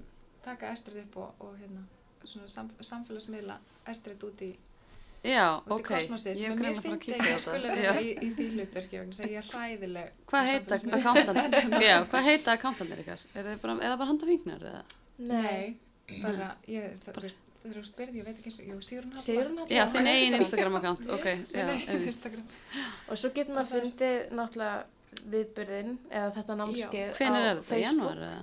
Er þetta ekki februar og april? Februar og apríl. Já. Þetta er er, þetta þess að tvö námskeið nei, þetta er eitt námskeið, þetta er allt í allt nýju dagar. Mhm. og þetta er fimm dagar í februar og fjóri dagar í apríl. Og verða að taka það fram fyrir þá sem hafa áhuga. Mhm. maður, þetta kemur ekki frá okkur, það kemur frá þeim úti. Maður þarf að vera allan tíman þetta er ekki, maður getur ekki bara droppað inn. Nei, og þetta er að þetta fari svo djúft og þetta er unnið svo vel og þetta er gert allt í réttri röð maður þarf, ef maður ætlar að fara þá þarf maður fyrst að vera búin að hugsa ok, er ég tætta típan, langar maður að vinna með það Mhm. langar maður að vinna með peningavandamál og getur maður að fara inn með það Mhm. er ég alltaf í stressinu, eitthvað svo leis maður getur Mhm. bara, maður, og það er í mæli með Mhm. að maður sé búin að hugsa vel að sé bara skýrt, maður getur þess að fara aftur í gegnum þetta setna með eitthvað annað Já. ekki að blanda neinu saman, vera bara svolítið svona skýr með þetta Mhm. og svo er svo viðverið sem þarf að vera það er alltaf frá 9 til 6 Mhm. fimm daga í februar og fjóra daga í apríl. Ok, svo þegar það er búið þá hefur maður fjagra mánuða aðgang að netinu að geggjum fyrirlesturum ní- 90 svona vídeo með fyrirlesturum og jókaæfingum ok, pluss þessa bók sem er yfir 500 blaðsjúður einmitt. Og ég ætla bara að nefna svona smá dæmi eins og fyrir mig sko því að ég er alltaf eitthvað að glugga í þessa bók. Það er sem sagt maður lærir um líffærin eins og þetta sé fullkomnir starfsmenn í stóru fyrirtæki. Mhm. svo er eitt tímabil sem að maður eins og til dæmis nýrun veist, það er oft verið að segja já þetta er svona nýrnajóka og maður bara hvað er það? Já. en hérna nýrun bara pælið í þessu og ég hef átt svona tímabil sem ég verið svona húgt á líffærum. Nýrun reynsa 180 lítra af blóði á 24 klukkutímum. Getið Vá. ímyndað ykkur hvað þetta er flottu starfsmæður einmitt engin spilling, ekki neitt. Nei. bara geri það sem á að gera. Segir ekki neitt, ger, bara geri það. Og þegar við erum að dæla í okkur efnum sem eru erfiðara fyrir nýrun þá er erfiðara fyrir þann starfsmann í Mhm. líkamann einmitt en þegar við erum að gera jóka sem við erum að hjálpa ákveðin lífærum þá erum við að létta undir fyrir þennan starfsmann. Einmitt. Þess vegna líður okkur betur. Þannig að svo er talað um livrina og samahátt að tala um húðina og þarna er verið að útskýra hvað gerir sána, hvað gerir rauð að Mhm. maður getur farið á svo mikið það er útskýrt þarna Allt námskeiðinu útskýrt, Já, allt. ok, mhm. þannig að fyrir einhvern sem að, að því hugurinn er svo hann, hann vill alltaf vera svo miklum hraða og ég segi fyrir mig, ég nenni ekki að gera neitt nema ég veit af hverju ég er að gera það Já. ég nenni ofta ekki að gera jóka nema ég þarf, og ég þarf ofta að mótivera mig svona þú veist bara, já, nýru, já, einmitt, já, ok, þá ger ég þetta já, Já, já, ég þarf eitthvað aðeins að gera þetta hérna. já, starfsmaður. að því að sumir geta bara gert eitthvað út í loftið en ég þarf já. alltaf að hérna, vita, já ok, hérna niður lútur hundur, já það fyrir taugakerfið. Ég get farið í jóka út um allan bæ en ég veit hvað æfingarna gera og þá, ég segi ekki neitt en þú veist ég nýt þess að ég veit að það örvar taugakerfið að fara í Já. niður lútan hund, downward dog. Ok, er, er það tögakerfi sem það, það er, hérna kemur jafnvæg á taugakerfið. Ok, þess að fyrst mér svo skemmtileg. Nákvæmlega, þú veist, og flestar æfingar sem setjum höfuðið niður, það örvar heilamænuvökuan já. Sem er svona eins og óljur fyrir líkamann. Allar sem meina inversion stöður þau erum að halla okkur fram og- Já, flest allar stöður sem hallar höfðinu fram. Að, En til dæmis var Sigrun alltaf áður en þegar ég drakk hann það kaffi þá fór hérna í Kundalini Yoga um, til Sigrun allu uh, úti, það var mjög kallt mm, og úti, mjög já, skemmtilegt ok. Já, Mhm. í hérna löganeskverinu já, uh, þá vorum við að drekka te uh, eftir það og Mhm. einhverju nokkra tala saman um bara jóka og svona. Og þá sagði Sigrun, það var svona fyrsta frægið í hérna, minni bata göngu frá uh, ka úr kaffifíkninni Mhm, að Jógi Bajjan talaði um að þegar þú ert að drekka kaffi að þá er tögakerfið miklu veikara og þá ertu miklu e, miklu erfiðara fyrir það að gera allar þessar kundalínu huglistur sem að setja hendurnar út og allt þetta skrýtna sem að gera í kundalíni sem Mhm. að fær svona tögakerfi til að hristast og það var svona fyrsta bara fræðið hjá mér eitthvað svona Mhm. ó, ég ætla að drekka kaffi, ég ætla að vera betri í þessu Já, bara hendur frekar. og það kannski er eitthvað svona sem kemur í staðinn fyrir kaffi, náttúrulega ok, Mm. ég drekk te og svona í staðinn, Mhm. en þetta er líka einmitt kannski svona ákverju og Mm að þú veist, þegar mann langar draumurinn, Mhm. eitthvað, ég ætla að vera ótrúlega góð í að Mhm. vera með hendurnar upp fyrir Mhm. haus og gera eldöndun og hristast öll. Um, En sjáðu, þarna er eitt dæmi um það sem að minn draumur er að þetta námskeið muni gera vegna þess að við erum að horfa á UNICEF þáttinn um daginn þar sem að vera að fræða um það að vera ekki að gifta ungar stúlkur svo kemur ljós um leið og er byrjað að fræða fólk að þá mingar þetta. Já, þannig að það þýðir að þetta er ekki illur ásetningur mm Nei. heldur það þurfti fræðslu já, sama á við á Íslandi að það er örglega kannski 80% Mhm. af mörgum um leiðu fengi góða fræðslu go, bara sérst, góða mentun það er mjög líklegt að við myndum ekki gera mikið af þeim hlutum sem við gerum mm og um leið þú veist uh, áhrifan á taugakerfið að Mhm. þá er mjög líklegt að þú hefur meira val sama með nýrun, ef þú veist að Mhm. nýrun eru að filtera blóðið Mhm. allan sólarringin þá myndum maður bara já, þetta er kannski ekki svo gott fyrir nýrun þess að því meiri fræðsla því betra og þá einmitt. e- kemur í ljós hvar erum við þá, erum við þá fíklar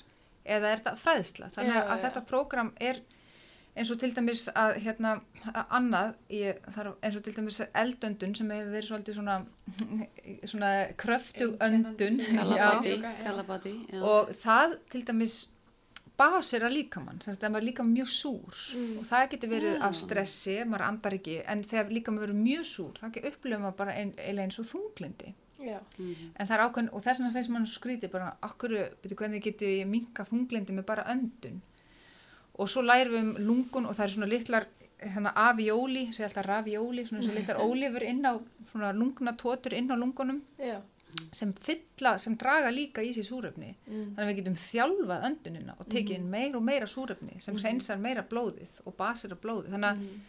þá sem að bara já, þe- þetta er þetta er ekkert eitthvað bara að anda eitthvað hundleðilegt að anda, heldur bara Já. ég er virkilega að láta líka mann vinna með því að algjörlega Mér og finnst það öndunin svo mikið mikilvæg. key. já, mér finnst þú samt ekkert alltaf ótrúlega skemmtileg Nei, Ég ég, prana, að já, svona- þess að prana jama, það er ekkert eitthvað sem maður er alltaf, Spenntur fyrir. Sko, oft hérna, mér svona skemmtilega að hreyfa mig já. heldur en að anda. Mm en, en, hérna, en það er svo ótrúlega mikilvægt og það líka tengi bara huga og líkama og svona. En til dæmis með öndunna það sem að hjálpa mér oft á eins og ef ég er í streitu og grunnöndun og eitthvað að bara eitthvað svona ótrúlega einfalt að eins og bara rúslega margir kannski einhverju sem eru að hlusta núna um, eru að upplifa að vera hérna, með bara króniska veðubólgu -hmm. og, og það getur oft verið bara út af grunnöndin þú veist, Mhm. út af að maður situr í tölvunni og er í stress, streitu að lesa alla e-mailina sína sem maður þarf að svara og maður er bara í grunnöndun, maður notar ekkert neðri partin af lungunum, maður notar ekkert magan, kviðin og alla veðuna þar. Þá er svo mikið álag á brjósti Mm. sem að gerir það álag í herðunum úti upp í hálsin og upp í nakka. Mm. bara út af grunnöndun Mhm. en um leið þú ert farin að taka neðri partin af lungunum og kviðin og allt það þá tekur álagið af hérna, brjóstinu og hálsinu, hálsunum og allt því og þá getur þú bara lækna krónísku veðubólkina þína Já, veist, er svona, þetta er bara eitthvað svona pína lítið ótrúlega basic Já. stuff einmitt. sem maður bara svona eitthvað já, þessna grunnöndun geggið, Mhm. æskilið nákvæmlega Einmitt. En er, uh, sko, mm, hvert er svona ykkar teik, þú veist, að Íslands samfélag sé tilbúið fyrir svona námskeið? mér sýnist það á þess að það er komnar inn skráningar. Já, og mm, hvað komast margir að? það þegar ég- fór til Budapest það voru 75 ok, en ekki meira en það en helst kannski bara 50 ekki meira en það. Mhm. en okkar draumur er að þetta verði einhvað sem að verður alltaf einu svona ári. Mm og líka mjög mikilvægt taka aftur aftur fram þetta er fyrir alla. Og þegar ég var út í Budapest það voru geðlegnar og e, svona meðfyrir aðalega sem vinna með áföll sem voru með mér á námskeiðinu og fólk sem kom á eigin vegum. Og ég segi fyrir mig, ég gæti ekki séð hver var hvað og hver var að gera hvað. Já, þannig að það er líka maður er ekki útsettur þetta er ekki eins og maður þarf að sitja í ring og segja hver maður er, þannig séð er engin og en hérna þetta er svo vel gert að maður nær að vera með sitt svolítið í friði og hérna ef maður vitt þá getur maður farið og maður getur, eða það var þarna maður getur farið upp á svið, þá var Gabon Matti og farið Já. og talað um málið sinn upp á sviði og hann Já. leisti upp á sviði, það var rosalega magnað að sjá það Já, var hann fljótur að bara spotta það? Já, og ég get sagt hversu cool hann er. Hérna, þetta var sem sagt svona 90% fólk frá Budapest og hann gerði þetta í fyrsta skipti í Budapest og ég var þá. Hann er frá það, Hann er frá já. hann er ungversku gýðingur og, og fjölskyldan hans flúði til Kanada þegar hann var 6 ára. Mhm. Og hérna, og svo var hann svona, vildi leggja áherslu á ungverska tráma, svona þjóðatráma. Hann svona vill meina að það er svona þjóðatráma Mm. og Já. hérna sem er mjög skemmtilegt hvernig hann setur það upp og svo segi ég við hann að ég hitt hann fram á gangi og ég segi, heyrðu, væri til að tala aðeins meir um ADHD Já, já. og væri til að fara inn í það og tala um lif og svona svo sagði ég, en, en fyrirgeði nei að því að þú veist, kannski ert, viltu tala um hana, þú veist, þarna, vilt kannski meira tala um ungverska tráma, hann sagði þá sagði hann ennsku, listen to yourself. Eitthvað svona, hlusta, hætti þessu bulli hætti að vera bakka svona eitthvað, Já. hætti að þykjast eitthvað. Já. og mér fannst þetta svo flott, hann var sem sagt ég byrjaði að byggja um eitthvað og svo nei, nei, nei, ég, og tók það tilbaka hann sagði hætt þessu ruggli og þú veist, ég var búin að tala við hann í smásund og hann bara sá í gegnum þetta strax og bara, já, ég kem að þessu eftir þú veist, og Já. hérna, mér fannst þetta svo skemmtilegt og þetta var alveg í algjör hlýju já, já. já. að því hann var í rauninni að hrósa hann sagði, heyri, þú ert klárar en þetta, hætt þessu bulli Já. hætt að þykjast vera svona einhver lítil dúlla sem er að bakka Já. Og Það er hérna- bara það sem hún vil. já, og hann, hann, sagði, hann sagði orðrétt á ennsku, hann sagði, listen to yourself you're not stupid, eitthvað svona, hann sagði Já. þetta svo og svo og hann getur gert þetta með svo mikillir hlýju Mm. að hann gefur alltaf að þú ert í lægi í grunninn þú veist að Já. þannig að það er svona Já, það er megin Það er- punkturinn, sko. já, og hann mm. vill meina því, ég meina þó að einhver hafi verið ykkur ruggli og verið fíkil það er ekki það með að við séum vittlus við alls erum ekki. og margir Íslendingar eru uh, eins og ég sem vel gefin en ekki nógu vel upplýst um hvað er gott fyrir Nei, okkur og það mikið væri ótrúlega gaman ef hann geti tekið svona hérna, Ísland hvað er, já, hvað er Já, hjá okkur já. vegna þess að það er alveg klárlega veist, við erum með einhver svona Ég heyrði þá kenningin Hérna. gær að það væri eitthvað óeðlega mikið að rísandi ljónum á Íslandi miða við Ah, Ég er ljónlindar, merkilegt. já, en, en ég veit ekkert hvort þetta sé byggt á okkur sannleik, sko. Já. Og við En vorum sérst öll já. rísandi ljón sem sátum hana, en hann var sérst eitt sem að saði mér að þetta væri svona, áhugavert að hann var með þessa kenningu og það er alveg make a sense, en það er rosa mikill orka og eldur og eitthvað svona, hérna, Mhm. framkvæmdarorkan er mikil, sko. það er líka bara það, ég held að segja líka það er svo stutt síðan að við vorum bara í svo miklum, mikill fátækt og svo miklum skort Já. Já, og við þurfum svo mikið og þú veist, hérna, maður þarf ekki að horfa langt aftur þess að sjá, þú veist, það, var, það er eitthvað svo mikið, þú veist, þetta öryggi, að eiga bíl og hús og, og Við erum ennþá að koma og, út frá miklu, miklu skort mentality. já, Akkurat. og fa, svona Mm. fátæktar, hérna, einmitt.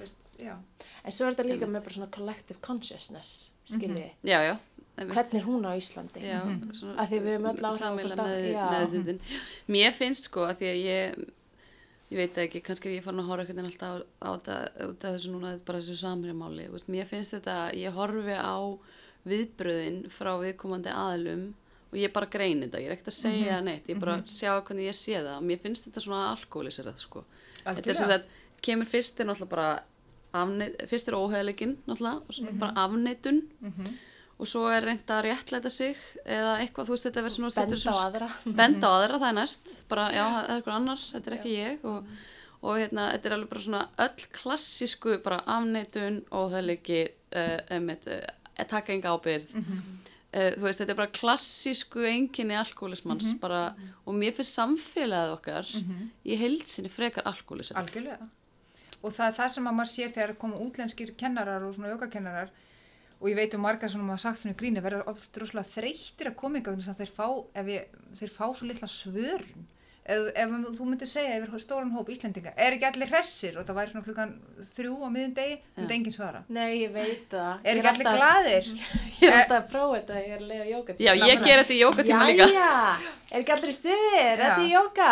Og það er kannski einn af 40 sem Ég- er eitthvað svona, og hann líka búin að, hann er kannski búin að vera í útlöndum þannig að hann veit hvernig það er Nei, ég, sko, ég, ég er alveg tengið svo mikið við þetta vegna þess að ég er með líka að kenna í, í stóru stöð og og hérna og uh, þar oft er ég alveg bara það má hafa gaman í jóka og svo allir að brosa eitthvað svona, þú veist og það er einmitt svörun er alveg bara að því að ég, þannig, ég lærði sko þeir, kennarinn mín úti voru svolítið svona einna sérstaklega, var svolítið svona að koma svolítið mikið inn, var talaði svolítið mikið í jókatímanum og var bara svona svolítið stuð, svona, svona, mm -hmm. veist, hann var ofta að segja brandara og svona Líka það má alveg vera gaman í jóka. Já, það má Nákvæmlega. nefnilega vera gaman í jóka það, sko. það er nefnilega það sem að, hérna, við uh, erum mjög gladur að þessi komið að að við vorum kennara Já. jógakennara á með senstu helgi sem sagði bara að það er orðin einhver óbáslega mýta um það að jóka og sérstaklega kundalínu jóka sé alvarlegt. Það er ekkert alvarlegt, það er bara óbáslega öflugt en það er ekkert alvarlegt. Og svo líka þessi mýta um það að maður sé að mæta í náttfötum að þegar það er allir í hvítu það er eitthvað sem eru orðið til mi- mikið á Íslandi frekar heldur að þegar, þegar ég er á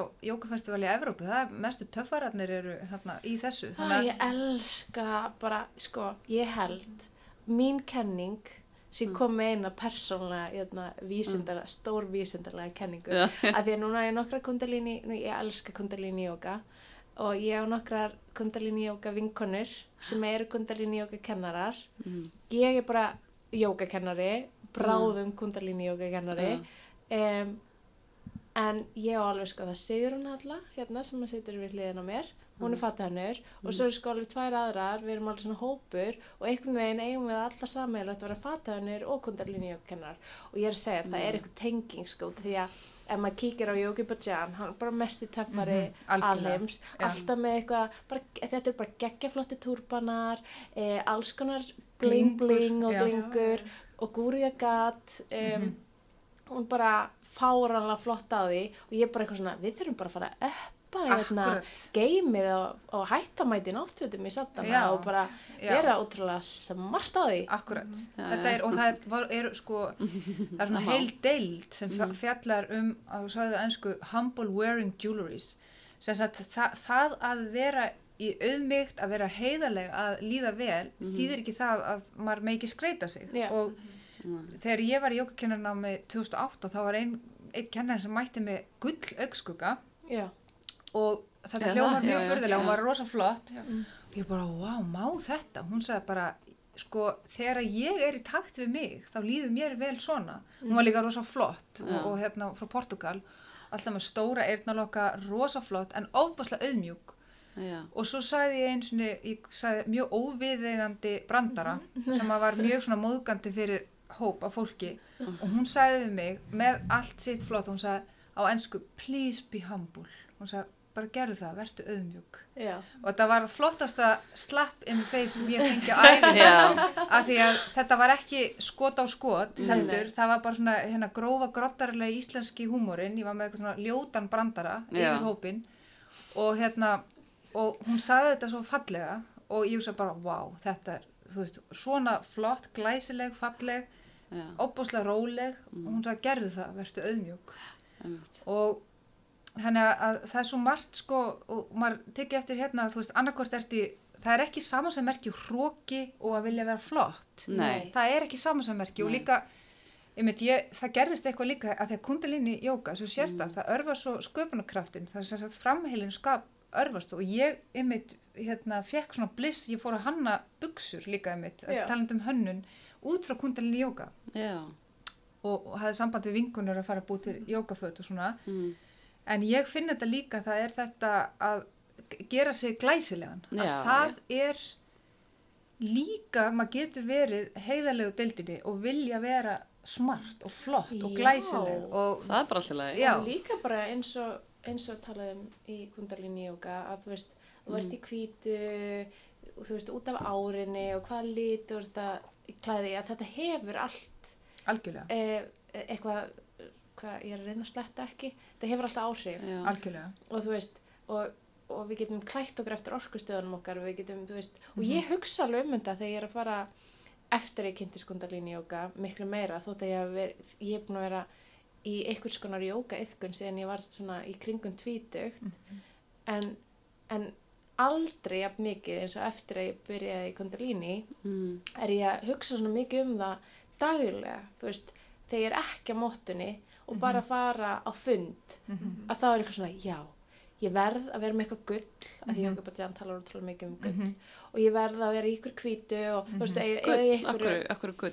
um, að því ég, þið getur kannski það er náttúrulega að tala rosalega mikið um gull í kundalíni jóka. Akkur, er- Ég byrjaði að það? taka inn gull út af því að það er betra fyrir hjólusluna og það með Það er einhver hérna Skoðum heil ekki. kapli í ákveðinu sem heitir Stress and Vitality Já, og það er eitthvað einmitt við gulli sem getur hjálp manni en svo er líka allskins fræði um það að ef þú ert með eyrnalokka þá vil fólk hérna tala til þín, tala í þín eyru já, ef þú ok. ert með eitthvað stert á miðri bringu þá vil fólk hlusta hvað þú hefur fram að bera frá hjartanu Ah, ok. Hann tala, Jóki Bajjan tala líka eitthvað um út af því núna. Það er dæmis með um, tvo ringi hérna á lungutöng. Já, En það talaði um að maður ætti ekki ég, að vera með þetta, lungutöng. þetta- getur sko, af því að þetta er Hmm. Saturnus og Saturnus er með bauga kring og maður getur orðið þunglindur að vera með skipta um er þetta, dregur niður orku Já, einmitt, ég, Ah, man ok. að ég lærði þetta líka þegar ég var hjá Gúri Egar. og þannig að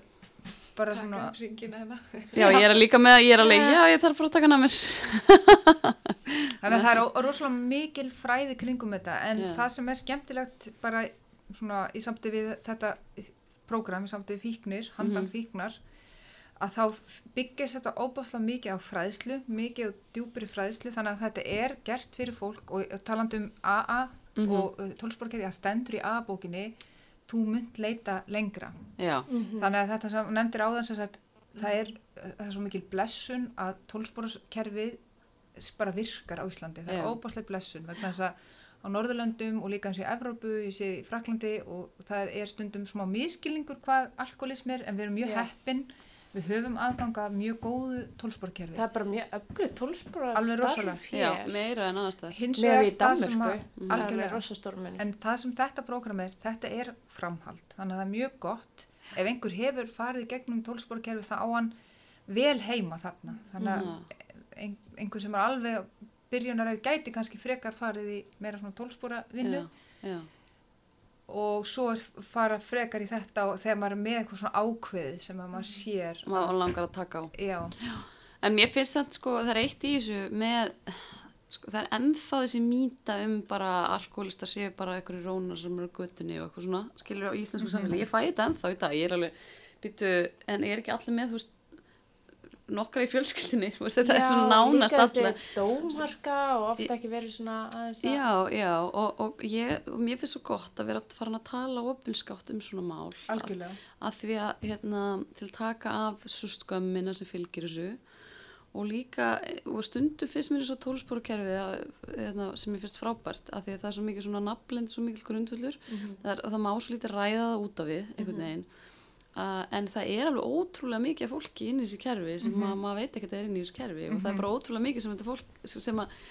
þetta kerfi er að gera fyrir Íslands samfélag Algjörlega. og er að sko út um allt veist, það, það er sko með ánga sína tegir ánga sína út um allt í raun og veru og það er kannski ekkit og það sem er svo flott er að það er náttúrulega svolítið leini þú veist, Mhm. það, það, það, það, fólk veit ekkert endilega og hérna, Akkurat.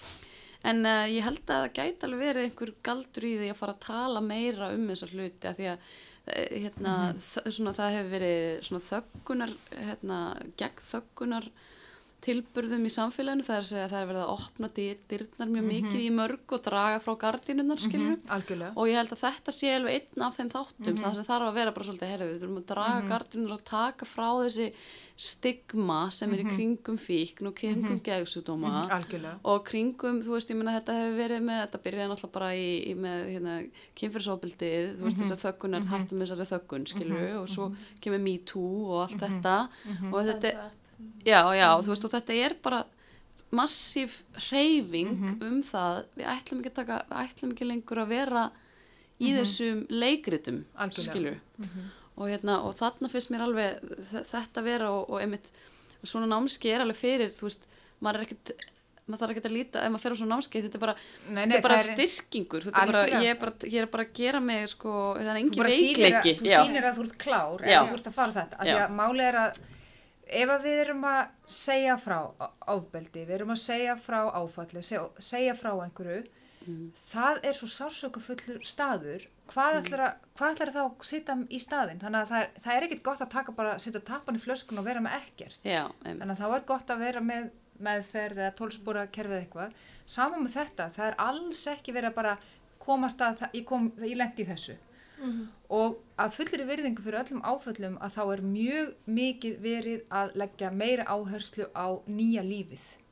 Já, Hver ertu á bakvið það? einmitt. Þannig að það gerist stundum að fólk festist í sínum eigin áföllum og breytir því í bara sína eigin sjálfsmynd. festist í sögunni sinni. Já. Já, ég var einmitt er- að heyra þetta ekki líka. og verður svolítið sagan sín og nánast kynnir sig sem sagan sín. Já, Já. En það leiðilegu fréttinnar með þetta er það að þú munt minga söguna og einhver leið svolítið gleymin. ég menn ekki bara gott að ekki bara endur skrifa hana. Nákvæmlega. Það er það þannig og framheilin er stór hluti í þessu ferli og það að við séum komin á okkur gráan lista yfir því að vera hérna, að einhver leiti spilt og með peningaþótt, það þýðir það að það er eitthvað óbóðslega mikið grafið í missunni og óbóðslega mikið svona þöggun. Já, Þannig er að það. það, þú er enginn að segja neitt að því allir þekkja Jón og Gunnu og Gunna þekkja Jón og Já og þetta. líka þú veist það er allir hérna svolítið hrættir, ég held þetta, ég tengi alveg við að vera hrættur um, sko, að því að það er allt svo tengt inn það. Að, það er Þú, það. þú getur verið með afkomu óta eða Að hrættur við að sjálfsögðu. skaða starfið þitt eða eitthvað að því að og, og, og hérna en þetta eru auðvitað óttar sem eru skiljanlegir en þeir eru pínlítið uh, skilur, þeir eru pínlítið partur af vandan Það er það, að þetta Það- er svo að- lítið. það er ekki, já, það er ekki Það er verið að allir bara í berna- ykkur meðvirkni og Já. hræðslu og, og það er ekki verið að segja, herðu, ég ætla bara að move beyond þetta fyrir, ég Já. ætla bara að stíga að skera, ég ætla, ég ætla að vera með nótti, ég ætla að gera það samt, Akkurat. því það er það rétta, því það Akkúrat. er satt namn, það er sannleikurinn, skilur. Já, já.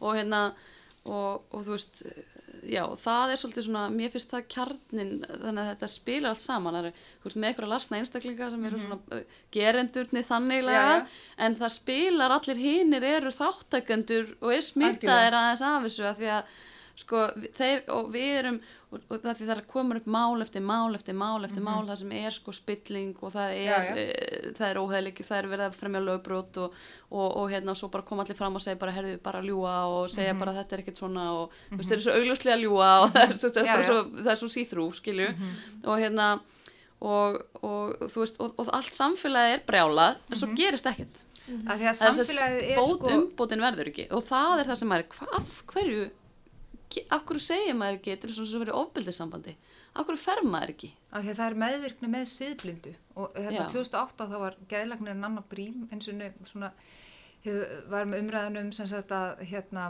að finna út hverjir væri siðblindir fyrir fyrirtæki og ég bara, já þetta verður lausnin Já. en það var ekkert að því að það voru miklu fleiri með í misunni þannig að fyrirtæki vilja kannski fá siðblindagöruna því að hann rýfur fyrirtæki upp fyrr heldur en aðrir já, vilja já. fá gróðan fyrr og það er nú enginn á þeim siðblindu þeir eru, en það sem að er Já, sem er svo aftur kannski partur af stóra hagkerfi bara því að við erum að hávexta drifið hagkerfi sem er kapitalismi og þá er þetta svona kannski bara Já. partur af því sko, einhver liti, skiljið, þetta er já. allt svolítið svona tengt sko. En það sem að er þá lausnin, segjum að maður sé meðvirkum með, með þýðlesingja, mm þá er maður heima hérna, nei. já, það ekki Þá, þá, þá getur maður sagt ekki, ekki maður getur ekki sagt lagað hann, það Nei, er bara þannig nei. og hann verður bara skoða fyrir sig. Já, En þá er það það sem kallast, hérna í þessu góða nafni, meðvirknin og hún er líka opáslega erfitt, erfið fík. já, Það er opáslega erfitt og opáslega svona djúft hvernig maður fer út úr því já. Og það kallast hérna í þessu svona self-care svona að hlúa að sér og það getur komið margt út úr því. Þannig að við erum aldrei að fara að enda uppi með stóri réttarhölda sem við erum að fara að hálsöku eitthvað fullt að liða út í bæ heldur við erum að fara að standa uppi sem einhverjar nýjar frjálsar manneskjur. Og því fleiri sem gera það þá verður bara hérna heilbriðhópurinn mun Já. hópa sér saman. Má vera stærri og stærri Já, og fer að segja að þetta er ekki lægi og bara hættir Og- að taka þátt sko. Nákvæmlega, og þegar heilbriðhópurinn er orðin stærri þá mun hann bara segja við litlu börnin sem eru hérna ganga lausum og segja fyrir heyrðelska mín, maður gerir ekki svona. Nei. og, þú og við þurfum að fara að breyta þessu þannig því að við getum ekki farið að hérna, öskra hvort annað í hljóði á Facebook. Nei, og þannig að við þurfum að taka til í okkur sjálfum. Mhm. Það má Byrjuðu kannski bara segja það að handan fíknar, er, er þetta ekki bara lausnin við samverjumálinu? Erum við ekki bara Já, við erum búin að leysa Já. Já, mér, finnst mjög margir og Gabon Mattei að því við erum búin að tala svo mikið um hann hann er ótrúlega hana, powerful, hann segir sko að flesti stjórnmáluleitur séu bara með mjög Mjög- gangandi mjög- tróma. Algjörlega, það er hans nýjasta bók. Þess vegna, er, þess vegna kemur ekki til Íslands að henni að skrifa bók um áföll stjórnmálamanna. Já, ok, en við Já. verðum samt að fá hann eiginlega til hérna Íslands hérna bara þokkalega fljótt sko. Já, ég veit að hann, ég hérna var með svona smá mission, gaf hann bók um Ísland og myndir og bara til þess að hann hefði þetta hjá sér svona nálagt myndirna, hann bara, já, já, hann sagði pretty severe. I mean this guy Laxness, pretty severe guy. Já, severe, já, bara hann var að segja þú veist, að hann viðkenn það alveg. Það er Mm. svona lítið sérstakt hérna. En hérna hver bara, sem spyrir, hver vilt þú deila kannski með okkur hver svona var ástæðan þín fyrir að þú fórst fyrst að skoða þetta og kaffifíkn kakki, kakki já, sem ég er ekki búin að losna við. Nei. en það vinnir því En hérna, ég vil að bara loka þess dag, var bara Mhm. dásamt að fá okkur og endurist og fróðleik. Já, má ég segja fólki að kíkja á, allar skrá sig, Já, já, inn á Facebook sig, hérna, er við með event, inn á Facebook. Handan fíknar, já, heitir viðbyrjun jógísk leið til bata og það er sérst líkur Já. inn á það hvar maður skráa sig og hérna meiri upplýsingar. Og svo náttúrulega alltaf bara hægt að hafa samband við mig og Estrid, við erum bara svörum Ef spurningum. við setjum bara linka á ykkur Já, og eventin í hérna, mhm, hérna um, um þetta podcast. yes. og eitt sambandið skráningun og það er aðgreint þannig að skráningin tekur langan tíma og svo er greiðsla sér af því að þau þurfa að samþykja hvort að maður sé komast inn þannig að maður er ekki að borga. drífa skráninguna af og já, svo, svo kemur í ljós hvort að þau sem sagt, samþykja mann. Þetta er bara frábært, er þannig að því að þú hérna- ert að vera með einbettan ásetning að vilja fara á námskeið til þess að fara á það, og það er bara flott. snemskráningargjald til 31. desember þannig að eftir það hérna, uh, hækkar verði þannig að ég mæli með að skrá sig fyrir það er 31. mikill, mikill verðmunur Já, það er mikill verðmunur og bara, þú veist, ég veit ekki betri jólagjöf en að gefa saman sér þetta jólagjöf. Já, ég samanlega, ykkur að reynslu. Já, En herri, takk aðeinslega fyrir komuna já, og uh, satt Satna, Satnam. Mm gott að fá ykkur. Takk. takk fyrir